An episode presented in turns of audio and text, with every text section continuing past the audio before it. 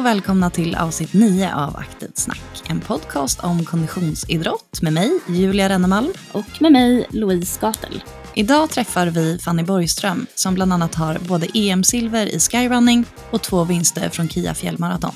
Dagens tema kan nog många relatera till och kan vara en idrottares största oro, det vill säga skador. Hur hanterar man det mentalt när man blivit långtidsskadad och inte kan göra det man älskar? Och hur gör man för att livet inte ska tappa mening i övrigt?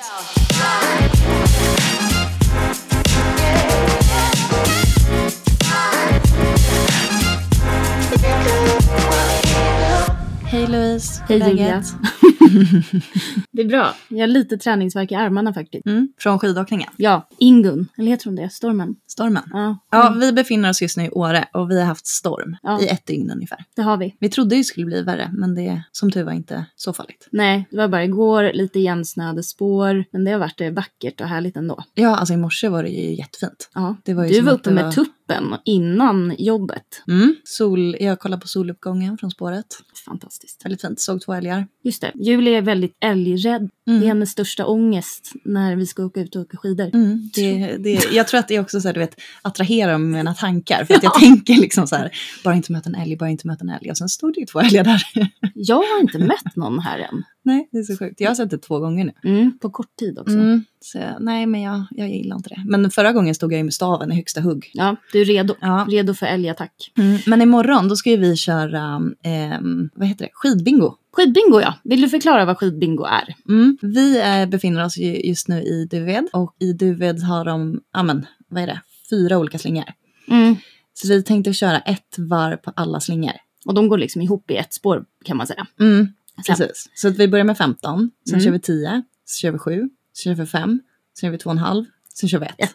Och sen är man klar. ja, så det blir bra. Jag tror att det kommer bli ganska tufft också för att dels sjuan har en ganska jobbig backe och Mm. den kör vi ju tre gånger. Och sen har vi ju backen på 15 och 10 som också är jobbig, den blir två gånger. Mm. Och sen är det ju backen på femman också som inte är lika som sjuan men den är ändå jobbig som Ja. vi får liksom på köpet. Men jag tror att det kan bli bra för oss. Ett bra långpass inför Vasan. Ja, så ett tips till er där ute är att om ni hittar något sånt där spår så kan man ju spexa till det lite och köra ett bingo. Exakt. Om man känner sig... Jag vet inte var bingot kom ifrån. Nej, Det var Kajsan som var sa Kajsan. skidbingo. ja, skidbingo. Men man ska kryssa i någonting när man kommer tillbaka som en ruta för varje gång på ett papper. Ja, Klar. exakt. Bocka av. Ja, Eller ta en Snickers och så bocka av. ja, precis. Mm. Ja, men det blir kul. Men eh, vad har varit din största insikt den här veckan kring stakningen? Alltså jag har för långa stavar. Bra insikt. ja, nej men alltså det är ju jobbigt när man väl har kört ett tag tycker jag. Mm. Ehm, och när inte tekniken sitter helt hundra heller så blir det ju att när man blir trött att man belastar lite fel och då blir man ju väldigt trött i så axlar och Mm. rygg. Jag har ju fått lite ont i ryggslutet. Mm. Men jag, det där kommer väl ju mer man liksom stakar. Men sen så behöver jag ju ha ett par kortare stavar också för jag tror Mm. det liksom blir för högt för mig. Mm. Är du då? Jag tror att min största insikt är att öva mycket stakning uppför i backe. Mm. Att det verkligen gynnar eh, staktekniken överlag. Mm. Eh, och sen att komma mycket mer framåt. Alltså vara mer framåtlutad Mm. än vad jag är. Ja, men jag tyckte att vi körde så himla bra pass igår, för då, det var ju då det var stormigt och snöigt ute. Ja, det kan vi alltså, skidspåren hade ju liksom snöat igen när vi kom. Vi körde en runda på typ två kilometer. Mm. Eh, och så fort man kom tillbaka hade det ju snöat igen. igen. Helt. Så det fanns ju liksom inga spår. Men då hittade vi i alla fall en 400 meters sträcka. Som var lite snett uppför. Mm. Men det var ju perfekt lutning på den egentligen. Mm, Och så körde vi där fram och tillbaka och körde eh, intervaller. precis. Eh, Det, var ju, det blev ju ett väldigt bra träningspass och jag hade ju inga förväntningar när vi gick ut för att det blåste så mycket och eh, var så snöigt. Mm. Det, kan man, det kan vi verkligen rekommendera. Att, och köra, det går att köra i grupp med kompisar eller Mm. själv.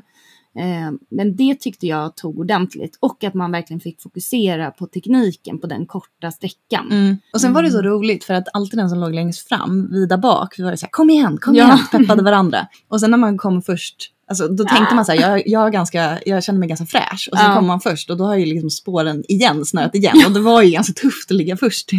Det var väldigt tufft att ligga först. ja. Mm. Så löpningen har kommit lite i andra hand den här veckan. Det har den absolut gjort. Vi körde några få kilometer på gymmet igår. Eh, Sen körde vi i måndags också, ja, just efter jobbet. Det gjorde vi. Då, det passet tyckte jag var väldigt kul. Mm, det var också ganska långt Mm. i och med att vi eh, körde långa intervaller. Det kan man testa om man vill. Jag körde en variation av det. 4, 3, 2, 2, 1, 1 Mm. i stegrande fart. Mm. Och jag tycker att det är skönt att damma av den där långa tröskeln först. Mm, Och sen går det fortare och fortare. mm, men det håller jag med om. Och sen om man kör det passet några gånger, förhoppningsvis blir ju ansträngningsnivån när man kommer i snabba farter liksom densamma som den här långa första tröskeln. Du körde ju något annat variationspass. Ja, alltså jag körde, ju- vi körde ju typ samma distans, eller du körde ju lite längre i och med att du fick lite längre uppvärmning än mig, för att jag var lite sen. Tjena, tjena. Eh, men jag körde i samma fart och istället för att ha stående vila så körde jag joggvila emellan. Mm. Men jag hade alltid samma fart på varje intervall. Jag trodde att vi skulle köra samma pass, jag tittade över Mm. och bara, vad, är hon redan klar med den här intervallen? Ja, först springa." ignorerade jag lite, sen såg jag arga blicken i spegeln. Är Hallå, det två? Är det en? Va- Vart är du någonstans? vilken kilometer är du på? Han bredvid bara, för vi stod inte bredvid varandra. Han bara, eh, ska vi byta band? Ja. Han bara, nej, det är, Nej, det är lugnt. Jag vill inte stå bredvid henne, hon hetsar så mycket. Nej, eh, det var ett bra pass. Men kan inte du bli lite galen på de som bara går på bandet, inte ens i, i backe, utan bara går och så tittar de på en serie i en timme när alla löpande upptagna runt klockan fem. Jo, det är, man blir ju stressad av det. Ja, lite. Mm. Och sen så, jag är en sån här person så jag kan inte, ibland har jag gått runt och tittat lite på gymmet. Men jag har ju liksom en plan av att jag vill springa eller Ja. så först. Sen kan jag köra lite styrka. Men man står ju där och liksom Ja. trampar lite, Mm. hetsar lite Mm. sådär. Och de typ ser inte det. Nej, men jag tror inte de bryr sig heller. Men å andra sidan av mig är så här, det är jättebra att du tog dig hit och att du också tränar och gör din grej. Jag rör på sig Ja. såklart. Är det, men också så här, är det jättefint väder ute, varför går man inte ute då? Är jag så här, mm. Opopulär åsikt. Ja, jag vet. Någon gång, ibland brukar jag ställa mig på de här här bakom och titta över hur långt folk har kört. Så jag Ja. vet vem kommer mö- möjligt gå av först. Ja, men också du vet man har väntat och så vill man bara ha bandet. Mm. Och så ska de börja så här, torka av och man bara, men skitsamma, jag skiter i att du liksom... Jättelångsamt också, Ja. ofta. Och då brukar jag alltid gå fram och säga så här bara, eh, jag kan torka sen. För det är oftast inte så. Fräsch tjej. Det är inte så att man nuddar. Kanske krycka på knappen då. Ja. Jag svettas ju ändå mer, ja. antagligen. Men du, ska vi släppa in våran gäst? Mm, veckans gäst, Fanny Borgström. Mm. Varmt välkommen Fanny.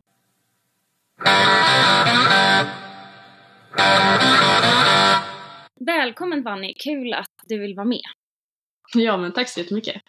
Kan inte du börja berätta lite om din bakgrund inom idrott och din historia? Ja, jag tycker att jag hade en raketkarriär, eller kometkarriär så här i början eh, när jag började springa. Så jag eh, eh, flyttade upp till Duved, som jag nu bor i, för ja, det är tio år sedan. Tiden går snabbt när man är Mm. rolig.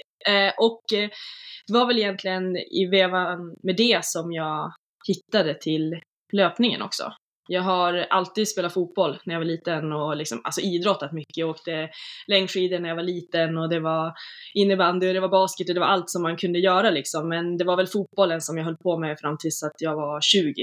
Eh, Mm. och flyttade upp hit då till Åre. Och har väl liksom inte egentligen varit bra på fotboll utan jag var bra på att springa. Och jag var duktig på att göra jobbet på plan och jag var liksom en sån som eh, slängde mig tills jag blödde om knäna och det var liksom, insatsen var alltid hög. Eh, och såg väl egentligen kanske löpningen mer som en del av fotbollen och någonting man tränade på för att man ville spela fotboll. Eh, och sen har man ju lätt att kanske öva mer på det man är bra på. Mm. Och jag tyckte därför att ändå löpningen var helt okej liksom i fotbollen just för att det, det var där jag hade min styrka. Men det var väl då som sagt först när jag insåg att man kunde springa på fjällen och i bergen som jag verkligen fastnade för, för löpningen då. Och det har du hållit på med sen eh, du flyttade upp till Duved. Och hur såg början av karriären ut innan du fick de här skadeproblemen? Ja, jag sprang ju vad som då var 21 kilometer under fjällmaratonveckan då. Mm. Eh, och det var ju mitt första lopp och längsta lopp. Jag hade otroligt mycket liksom eh, tävlingsfobi när jag var liten och det var väl en av anledningarna till att jag slutade med längdskidor. Så att jag, det var verkligen liksom en pers att jag ställde mig på startlinjen, eh, ja vad blir det då? 2013 kanske då? 2014 mm. tror jag. Eh, och sprang 21 kilometer där då. Eh, och det gick ju väldigt bra. Eh, så jag var tvåa på det loppet wow. efter att ha kissat när det var en kilometer kvar och då ledde jag så jag vågade inte riktigt vinna även den gången. Så att, eh, mm. Men det räckte ju långt ändå så att eh, jag blev eh, tvåa på det loppet och eh, det gav mig väl mig en skjuts direkt liksom. Eh, mm. jag fick direkt kontakt med eh, Salomon efter det för de var där på plats liksom så att det var de som började prata med mig och ja, där började det på något sätt. Så att jag har väl alltid sprungit under ett märke sen mitt första lopp i princip. Wow, det är ju få förunnat. Men hur tränade du inför det här första loppet då? När du inte hade kommit in i någon elitkarriär, hur såg det ut? Alltså, jag var ju, har ju alltid tyckt om att träna och jag har alltid sett mig som en tränande person liksom. Det har mm. varit, eh, och löpning hemma i vår familj har ändå varit så här prestigefyllt liksom, att mamma springer mm. maraton, det är liksom, det, så har snacket gått liksom. Så att, mm. eh, ja, alltså jag, jag tränade väldigt sporadiskt, men jag tränade ju ändå, alltså det var liksom inte att jag låg på soffan och så sprang jag och så helt plötsligt var jag duktig på att springa så. Eh, men eh, det är ju väldigt stor skillnad till hur det ser ut idag liksom. Mm.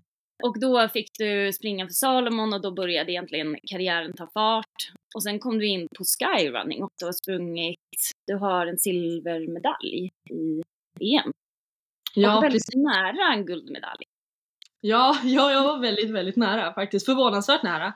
Eh, så att eh, ja, det är väl kanske en av mina främsta meriter skulle jag säga. Eh, och eh, det, det flöt väl på ganska fort efter liksom den vinsten under, under fjällmaratonveckan då. Och jag mm var ju liksom ung och naiv och sådär så man tänkte väl att eh, allt ska ju bara gå upp för hela tiden. Mm. Eh, och det kändes ju som att det bara gjorde det de där första åren. Jag hade ju, fick ju eh, börja hänga mycket med Emily Forsberg och Ida Nilsson och ja men det öppnades ju upp en helt fantastisk värld liksom och där man började mm. känna sig, jag skulle säga att jag levde ju inte av idrotten de första åren utan det var ju mer att man var sponsrad och fick grejer och liksom det öppnades upp möjligheter och så. Sen så fick jag ett internationellt kontrakt med Salomon efter, ja jag tror att det är tre år. Mm. Eh, då börjar man få lite pengar men eh, nu då så har jag ju sprungit de senaste åren för The North Face, de tre senaste åren och det är väl kanske främst då som jag verkligen har känt att jag ändå har kunnat leva av idrotten liksom. Vad hände sen när du började få problem? Ja, det var väl kanske baksidan av elitidrotten då. Alltså det är ju att påminna sig om att det är ju inte för hälsans skull man håller på med idrott på den här nivån. Och jag kombinerade ju löpningen med att tävla på vintern med skidalpinism, för jag vill ju vara som Emily, så jag gjorde som henne. Hon gjorde ju så. Eh, och då fick jag ju vara med henne året om, så att det var ju jättehärligt. eh, nej men så att jag körde dubbla säsonger och eh, när man kör skidalpinism så är det ju i karbonpjäxor. Mm. Och det är ju ett fruktansvärt hårt material. Eh, och man räknar på varenda gram så att man har jättetunna innerskor. Eh, och jag eh, ville väl inte erkänna att jag hade stora fötter, jag är 1,75 så att man har ganska stora fötter när man är så lång. Eh, och pressa ner fötterna i för små pjäxor. Mm. Eh, och det kostade mig ju att jag drog på mig en häl skada kan man säga då, eller någonting som kallas Haglunds häl. Det betyder att man får liksom en benpålagring på hälbenet. Alltså du har varit där och skavt så mycket med någonting hårt så kroppen reagerar med att den vill bilda mer ben för att den vill liksom skydda sig.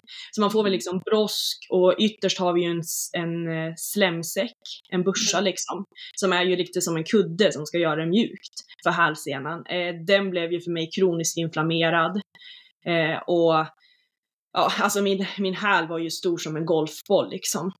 Eh, mm.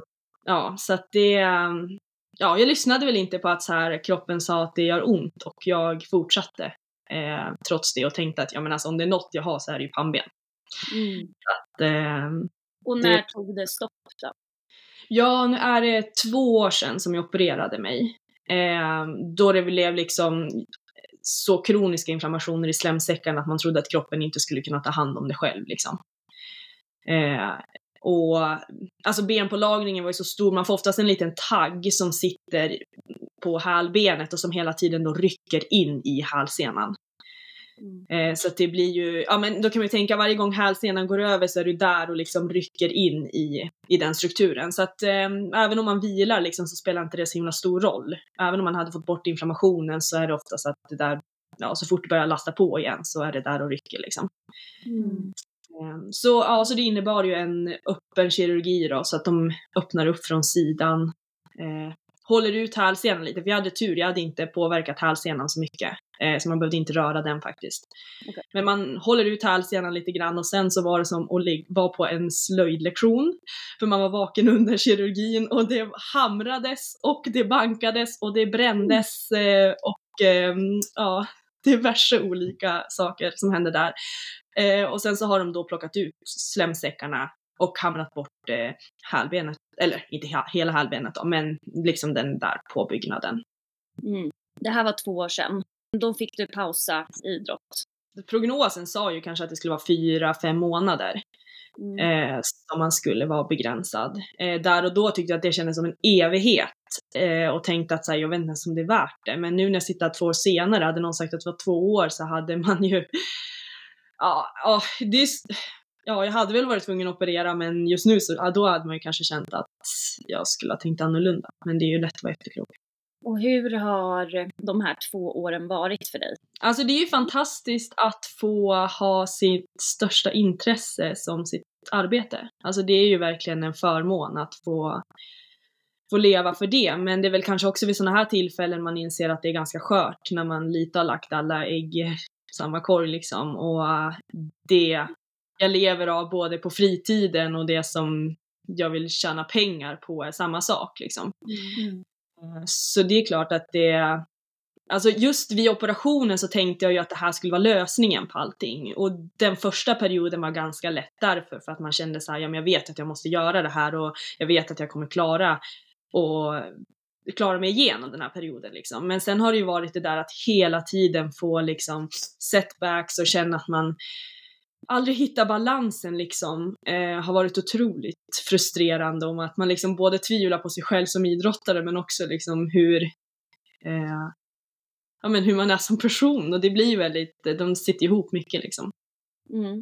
Känner du att det har varit lite av en identitetskris de här senaste två åren med att inte kunna utöva det som du verkligen vill. Ja men absolut, det skulle jag nog säga. Och alltså det är ju så här, det är en svår det här bara man är alltid en löpare. Liksom så här, en gång löpare, alltid löpare. Men det är klart att så här, min löpning har ju byggt mycket på att jag vill prestera.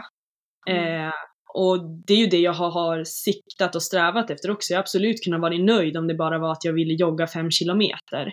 Eh, då hade det varit okej okay, liksom. Eh, men jag har ju velat mer än så och suktat efter just den identiteten av att vara en framgångsrik löpare.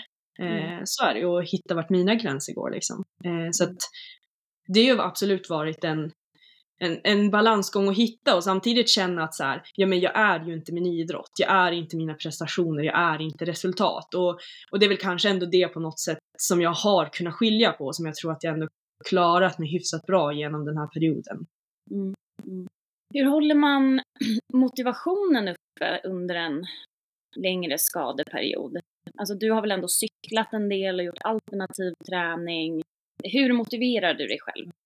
Ja men alltså det som är med idrotten är ju att jag tränar ju för att jag vill känna mig obegränsad. Alltså det är helt fantastiskt att känna att jag litar på kroppen och att jag vet vad jag kan förvänta mig av den. Och när man har varit skadad så är ju det det man tappar. Alltså helt plötsligt är det liksom jobbigt att gå till brevlådan och man ska fundera på om jag ska ställa mig upp i soffan eller är det värt att göra det för det gör ju ont liksom. Mm. Eh, men där har ju verkligen cyklingen varit min snuttefilt. Mm. Eh, alltså det har blivit en jättesnuttefilt så att jag ibland har undrat, har jag liksom tagit åt mig den lite för mycket eh, när man tänker att man ändå ska läka en skada, för det ska vi ändå ha i åtanke att liksom så här, alternativ träning är jättebra, men på något sätt så kräver jättemycket energi av kroppen att träna. Eh, och den vill man ju ändå främst ska ligga på att läka skadan liksom. Så att det är klart jag kan så här efterhand tänka att jag kanske cyklade för mycket i början. Eh, och var lite för så här, jag ska komma tillbaka och jag ska komma tillbaka starkare liksom för att det, det sitter inte att jag inte vill liksom.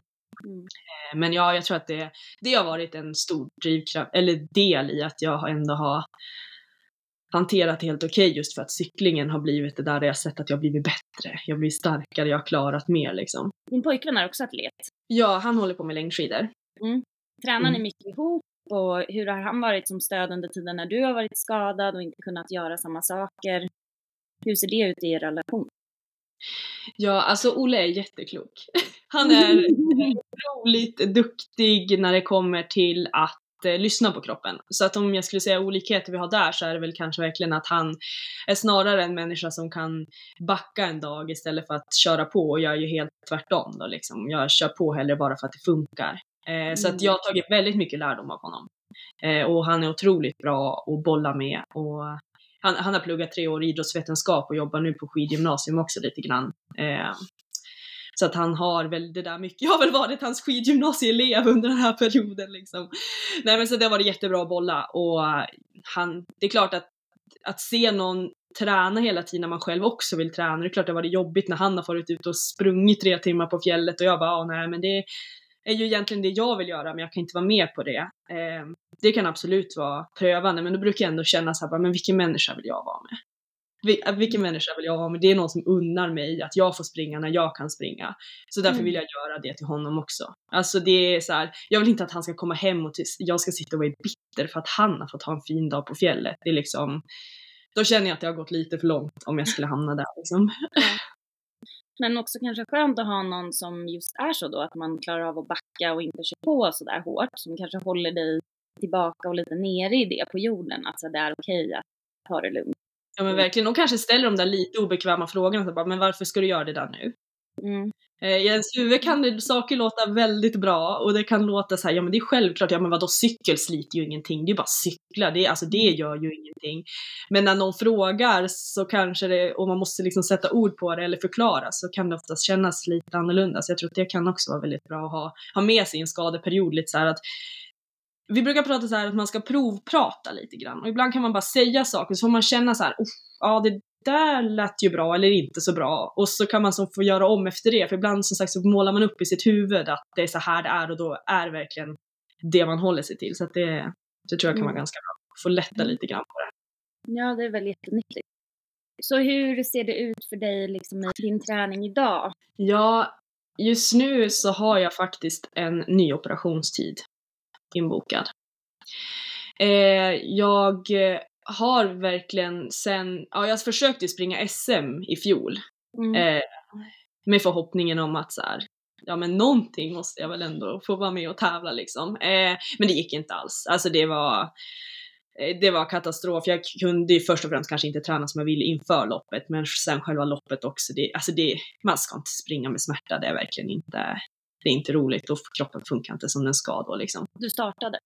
Ja, jag startade. Eh, men det var efter det så kände jag bara så här, nej men nu måste jag göra något åt det här för det här gick ju inte. Alltså det, hade jag presterat det här kanske jag ändå hade känt att så här, okej, ja men men, men det, nej, det funkade verkligen inte. Så där någonstans så väl, valde jag att så här, börja jobba med en helt ny fysio. Jag hade jobbat med en annan förut, men vi kom liksom ingenstans. Eh, och började, ja men jag sprang då inte på, ja vad vart det, typ åtta veckor för att få ner inflammationen som hade blivit liksom. Och sen därifrån så har vi verkligen börjat jobba upp oss. Jag gick liksom för att kunna göra två tåhävningar till att nu ändå göra liksom viktade tåhävningar, ganska tunga. Alltså så att det, det har varit en väldigt fin process. Eh, och jag tycker att jag har jättetid för att det ändå varit de senaste, ja vad blir nästan sju månaderna liksom. Mm. Eh, det blev lite bättre och sen så gick det liksom ner igen. Ja, alltså just nu har det varit helt okej och det är väl just bara för att jag har backat på jättemycket träning. Mm. Jag har, eh, ja men jag är inte där och gnager lika mycket på hälen liksom och då lägger det sig ju. Eh, men då var det det jag fick göra här om veckan var ett eh, nytt sån, en sån 3D-skan. För jag har varit tillbaka och gjort, jag har gjort tre nya ultraljud för att kolla för att det blir liksom inte bra. Jag var tillbaka till samma ortoped och frågade så här, ser det bra ut? Är du nöjd med operationen? Och han sa att ja men, ja ja det ser jättebra ut, du måste, det är liksom, det är lugnt så här. Men då fick jag reda på den här 3D-skannen att det ligger ben som de inte har fått bort. Eftersom hälbenet är runt och de går in från sidan så ska man ju liksom komma runt hela vägen. Men de har inte kommit, kommit åt liksom på kanten. Mm. Så att det här benet ligger ju och ska, eller ligger fortfarande och skaver i hälsenan. Eh, och det är väl förmodligen därför det blir så lättretligt. Så även om jag vilar så har jag hamnat lite i samma sits som det var från början. Att även om man vilar så, så fort man börjar liksom trappa upp så är det där och river. Och det är väl därför cyklingarna funkar bra. Men så fort jag springer så smärtar det liksom. Mm. Eh, så jag, jag har ju trott en gång på en operation. Eh, det vart ju inte så bra som jag trodde, så just nu står jag väl och känner så här, ja, jag halvtror på det här och för jag vill inte bli besviken igen. Så är det väl. Man får väl skydda sig lite grann. Så. Men jag tror ändå att, eh, ja, om sex veckor då tänker de väl att, eller sex veckor tänker de att det ska ta eh, innan man kan känna att man kan belasta som man önskar. Eh, och det tycker jag ändå att det är värt att chansa för att se om det här är lösningen på det. Men jag känner mig ändå klok, alltså det är ju klyschigt men det är ju ändå någonstans när man går igenom tuffa saker som man tar med sig mycket lärdom. Ja. Eh, och som man kanske ser både sina svagheter men också sina styrkor. Eh, och får bli påmind om kanske varför man gör saker och vad man, eh, ja men vad som faktiskt motiverar en. Eh, mm. Så det tycker jag ändå har varit viktigt att så här, kolla tillbaka nu och skriva ner de saker som jag så här, men förra gången jag opererade mig vad tycker jag att jag gjorde bra och vad tror jag att jag skulle ha gjort annorlunda? Och så ta mm. med sig dem till den här gången. För jag kommer ju stå där nu också och ha de här dagarna då jag bara, nej men allt suger, jag får bara och tränar. Mm. Men du vet ju att du inte ska göra det. Det, blir, alltså det är ju en fantastisk drog, träningen. Alltså mm. dopaminpåslaget är ju otroligt, men det gäller ju kanske att vara lite smartare än bara gå på den instinkten som finns just under dagen och det hoppas jag att jag ska kunna göra den här gången. Att det är mm. lärdomar jag tagit med mig.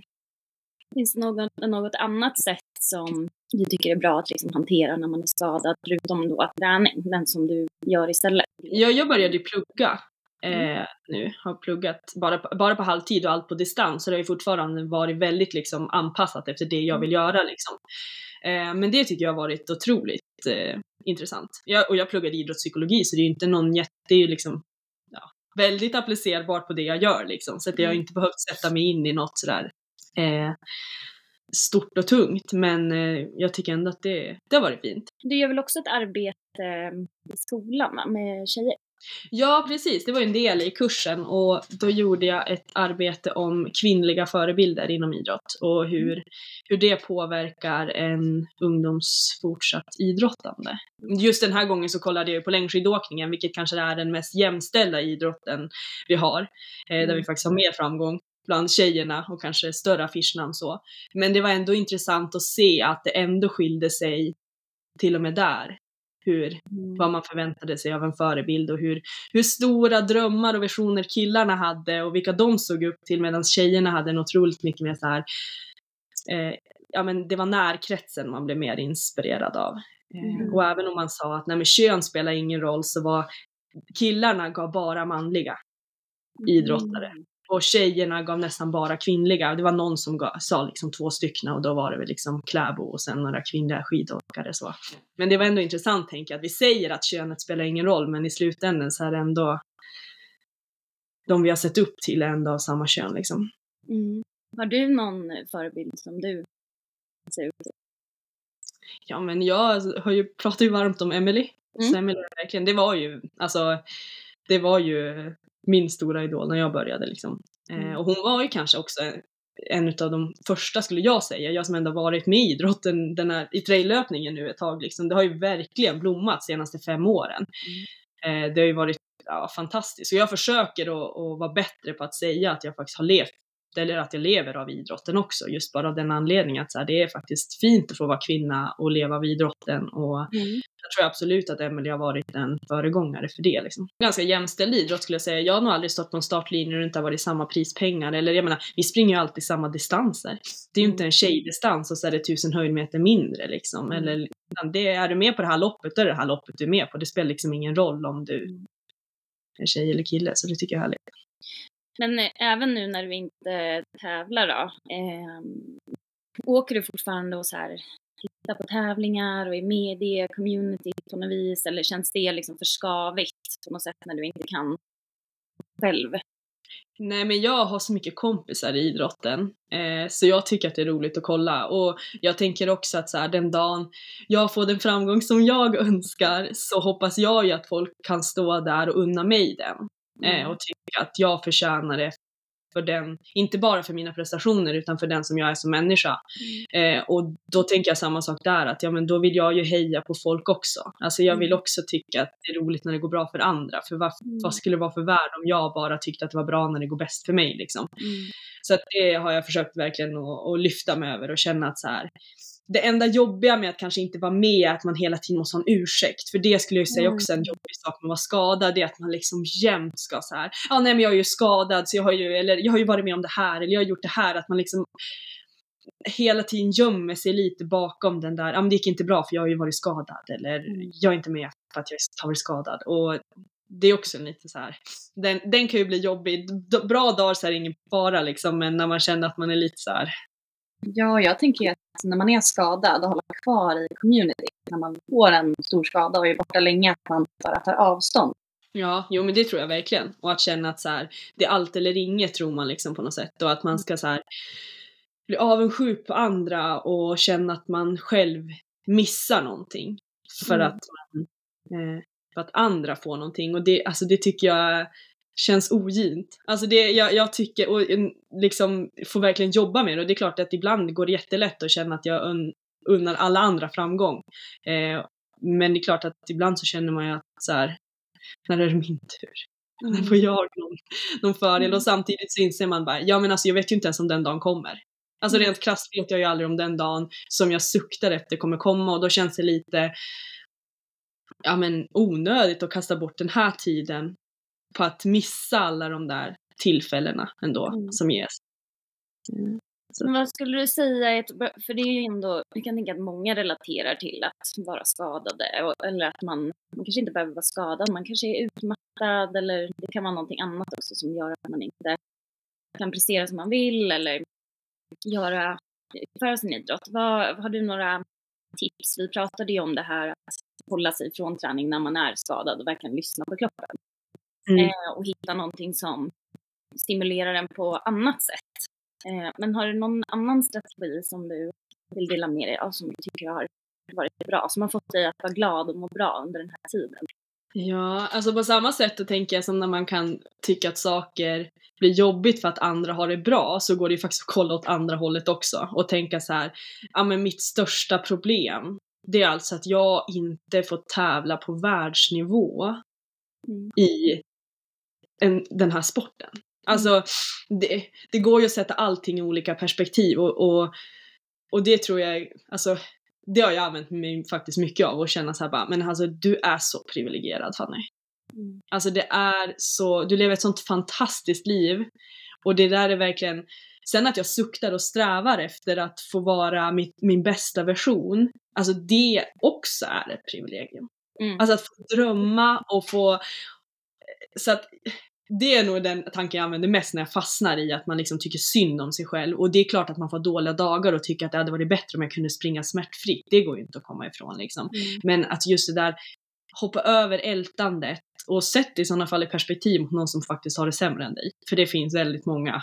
Eh, Mm. och då kan man se ganska mycket av det man har som väldigt bra faktiskt. Det kan ju vara ganska jobbigt om man har varit på en viss nivå och sen så behöver man nästan börja om. Och då börjar man också kanske Mm. jämföra tider och jag brukade springa så här fort och det borde gå så Mm. här snabbt. Och det kan ju också vara en liksom, mental uppförsbacke man ska ta sig upp för att släppa den här pressen av att jämföra vad man en gång var när Mm. man Mm. liksom kommer tillbaka. Eh, för det kan ju också bara skapa jättestress tycker jag. Och press. Ja, verkligen. Jo. Och, och just skilja på den här bilden av att så här, men vart är jag och vad vill jag vara? Det är absolut inte samma sak. Eh, och kanske var bättre, men det tänkte jag att ni tog upp bra saker med det där ni tog upp med, eh, med den här följetongen ni har. Att just så här, ja men det här långsiktiga är ju skittråkigt. Alltså det är ju det. Det är ju jättetråkigt med att Mm. liksom tänka om ett halvår. Alltså Mm. du kanske måste tänka två år till och med. Mm. Eh, men att på något sätt ändå alltid zooma ut. Det har gjort så nu att jag kan tycka att det är en ganska bra grej att göra. Det är att dra en tidslinje på ett år. Och så Mm. sätter du alla månader och vad, vad vill du göra under de här månaderna? Och så just känna så här, men vad gör jag för att komma dit? Och Mm. inte bara känna så här, ja ah, men jag vill ju springa fjällmaraton. Ja men vad kräver jag mig? Mm. Att jag ska komma dit. Och inte Mm. tänka att så här, man ska bara stå på startlinjen utan då kanske det är så här, ja men då måste jag ha en vilodag i veckan. För annars Mm. kommer inte jag hinna återhämta mig. Eller så, ja men då måste jag köra den här rehaben och jag tror att de här sakerna är det som tar, tar mig dit. Mm. Eh, och det tycker jag har varit väldigt bra att jobba med också. Att så här, ja men inte bara önska mig tillbaka till en startlinje. Eller inte tro att det är där någonting blir fulländat. Mm. Eh, alltså, vad, vad gör jag för att komma dit? Eh, och då har det på något sätt också varit lite lättare att så här, inte lyckas. Mm. På något sätt, för det, om jag har gjort det jag har trott har varit rätt. Mm. Det säger ju inte att det är rätt. Ja, men det är väl insikten att här, resultatet är inte målet. Nej, exakt. Mm. Eh, det är liksom det som är hela grejen med att vara idrott eller resan. Men många ställer sig in på att om inte det här resultatet kommer, då har Mm. jag liksom misslyckats. Men det är ju allt på vägen. Hela, hela processen om att leva ett liv som att le, eh, det är egentligen det som är lyckas.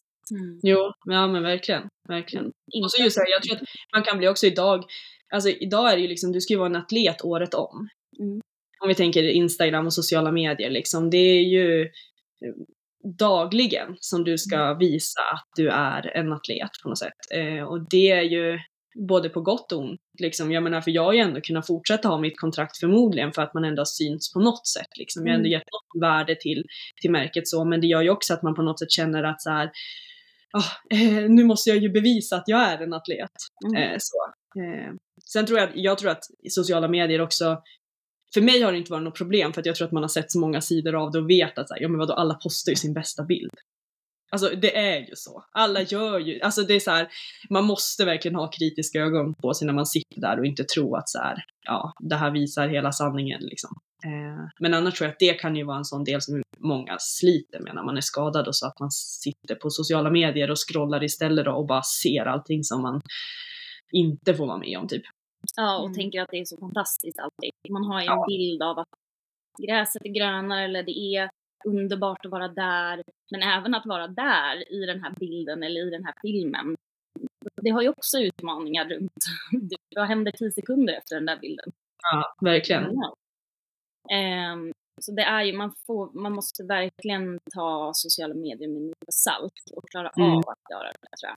Jo, Det är det jag tror att man måste så här, det, det går upp och ner. Alltså så är det med alla dagar. Vissa dagar kommer man bara tycka att så här, "Ah, ja men det här var väl lätt att ta sig igenom och sen, eller det behöver inte ens handla om dagar, det kan typ handla om timmar under en dag Mm. jag tycka, med, alltså med en skada när man känner så att Idag var det så himla bra, det här passet var så bra och så är jag så nöjd och sen så bara två timmar senare så bara gör det sådär förbannat ont igen och då bara, ha nej det var ju inte det här som jag var nyss nöjd för.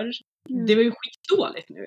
Eh, Mm. och det är ju jobbigt att känna att det svänger mycket liksom. Men jag tror också att så här, herregud, livet är lite jobbigt. Ja, Mm. och Alltså har det man- är så. Det är det. Och har man, eh, tänker man att livet inte är jobbigt alls, då tror jag att då får man det ännu jobbigare. Ja, det tror jag. Och jag tror också det, att man får så här, tänka att det är lite skit ibland, det är okej Ja. liksom.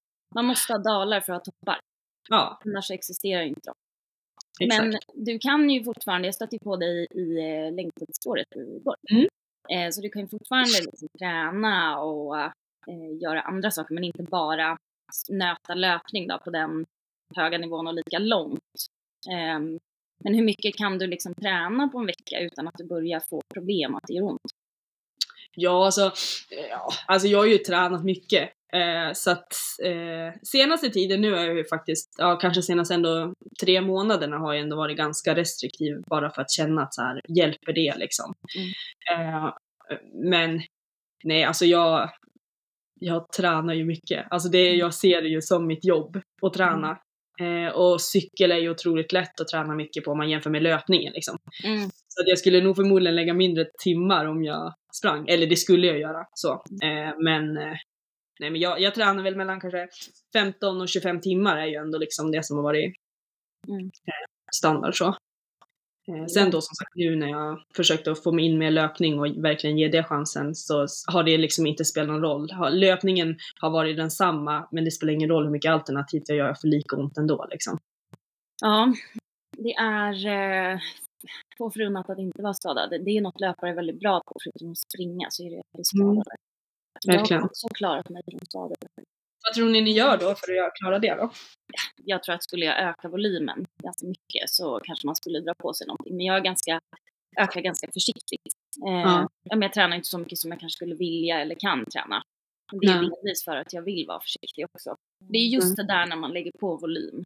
Och jag tror det är där många brister. I många idrotter, att man inte har tillräckligt mycket tålamod. Så här, Mm. Nu ska det gå fort. Och det gör man även med fart. Så här, det här Ja. passet ska gå långsamt. Nej men det var lite kul, jag tycker på ändå, det känns bra. Och så just det här att man bara, ja men det här har ju funkat för att du har gjort en vecka, säg två veckor. Tre veckor kanske till och med. Men det är ju ingenting som säger att tre veckor är något som funkar över tid. Nej. Och det tror jag också man har lite svårt att känna att, så här, att man tänker, ja men nu har jag ju gjort det här. Mm. Men så har man kanske egentligen inte gett en chans utan man eh, stegrar så fort det funkar typ. Precis. Eh, så jag tror den, det är ju många som jag har hört som har blivit skadade och de säger samma sak. Jag gick för fort upp i volym, jag skulle ha eh, hållit mig nere. Nu är din skada relaterad till liksom någonting annat, men generell skada tycker jag, det här med att man övertränar och sliter. Eh, Jo. Man ska ha lite tur med genetik också. Jo, jo så är det ju. Jo för det är ju den, alltså med min hälben är ju så här, det, alla får inte det här. För det är också att man ska ha en viss, eh, viss eh, lutning på hälbenet och hej och hå. Så det är ju klart att allting är ju lite, alltså allt är personligt och så tänker jag ju att det är med alla saker. Alltså så är det ju att gå igenom en skada eller hur du lägger upp ett träningsprogram eller vad som helst. Så jag tror man ska vara nyfiken och lyssna på hur andra gjort. Men det kommer ju alltid ner till att vad funkar för dig. Ja. Eh, Och i början är det väl lite trial and error också. Att man får prova sig fram lite. Mm. Ehm, Men jag tror att, som du säger där med att, ja det är jättebra att ta expertis från vad andra har gjort, men allas kroppar funkar så olika och klarar av olika mycket. verkligen. Mm, du kan ha en grund, men jag tänker att en plan är inte heller bra om den inte går att förändra. Alltså det är Precis. aldrig en bra plan som måste följas till 100% för att då är det inte hållbart liksom. Och det är ju oftast kanske så man är. Så jag menar, jag är ju så själv också. Jag har skrivit någonting så vill jag så gärna göra det. Så kanske man är lite för Mm. hård mot sig själv och ser det lite svartvitt. Att man inte lyssnar in att så här, men idag kan inte jag göra det här för jag har ont eller det blev för mycket. Att man då eh, vågar bara, nej men då går jag på nästa dag istället. Man måste titta på de där scheman och vara så här, det är okej att lägga in en vilodag. Om jag behöver. Jo. Men jag tror också det är någonting som verkligen erfarenheten ger ju att så här, att känna att bara, ja men idag är det inte bara att det är jobbigt att köra intervaller, för det är lite jobbigt. Utan idag är det faktiskt en annan typ av trötthet i min kropp eller liksom ett motstånd som jag faktiskt inte ska pusha igenom liksom. Att Mm. lära sig de där nyanserna av så här, vad är det här för trötthet? Ja men är det här en trötthet för att jag tror på det här träningsschemat och jag är trött för att det är sista passet på veckan? Eller är det en trötthet för att så här, men jag håller på att bli sjuk. Jag ska Exakt. nog inte göra någonting mer idag. Eller, ja det har varit jättemycket på jobbet så jag ska inte ens köra det här passet liksom. Mm. För det är för tufft, bara för att det står att det är tisdag. Exakt. Eh, Och det tror jag ja. också som du säger kommer med tid att man, man, man vill så himla gärna följa det där när man har ett schema. Det är ju det Ja. som är grejen med scheman och så tror jag man funkar generellt. Men då är det också så himla fränt för du kan ju bara såhär, du, du, du, du, delita det och så skriver du in något annat. Blir det lika fränt då? Har det samma effekt? Alltså det där är så coolt att man som bara, ja men vadå, det är bara några bokstäver på ett papper och helt plötsligt tror jag att det liksom är eh, magiskt. Ja, ja det, jag håller helt med. Alltså jag är en sån här som gör en att, att göra-lista och sen om jag har gjort någonting som jag inte skrev på min göra-lista, då skriver jag upp det efteråt. Sån är jag. Så får jag kryssa det. Ja. Det tycker jag är, det, det där tar jag med mig. Det ska jag Ja. skriva Ja, in extra på, för då ger man sig själv lite, ja ah, just det, det där var bra. Men helt plötsligt, för de där grejerna du har skrivit på listan, de är ju väldigt heliga. När du har gjort Ja. dem, då är det ju riktigt bra. Så varför inte skriva till en sak som du gjorde förra veckan? Det var ju ändå bra. Så att jag tycker insikt, skriv på saker på att göra listor och våga radera ett pass ur träningsschemat och lyssna på kroppen. Ja, ja. Det är bra är- sammanfattat. Ja. Men åh, Fanny, det var så kul att eh, prata med dig. Ehm, Jo, detsamma. Synd att vi är så nära varandra men att vi ändå inte lyckades då. Men Ja, det var hypokondriker. Jag vill inte smitta er. nej, men jag tänker om du blir, känner dig bättre under veckan så kanske vi kan ta en liten tur i spåret. Ja, det vore jättefint. Du bor väl ganska nära? Ja, jag bor lite typ vid lift, eh, vid liftarna typ. Just Så att vi, jag brukar skryta om att vi har sol året om här uppe. Ja. Härligt. Något ska man ha. För, men det där med att man inte skulle jämföra sig med andra, eller hur var det där? Ja. Eller man skulle jämföra sig med de som hade det sämre var väl tipset. Så att jag kollar på någon nere i byn och tänker det är i alla fall sol här. Jag bor ändå på höjden. Jag har sol. Exakt, ja. Men du, eh, ha en jättefin fortsatt eftermiddag. Vi ses under veckan. Eh, kul att du vill vara med. Stort tack för att du delade med dig. Ja, men tack så mycket för att jag fick vara med.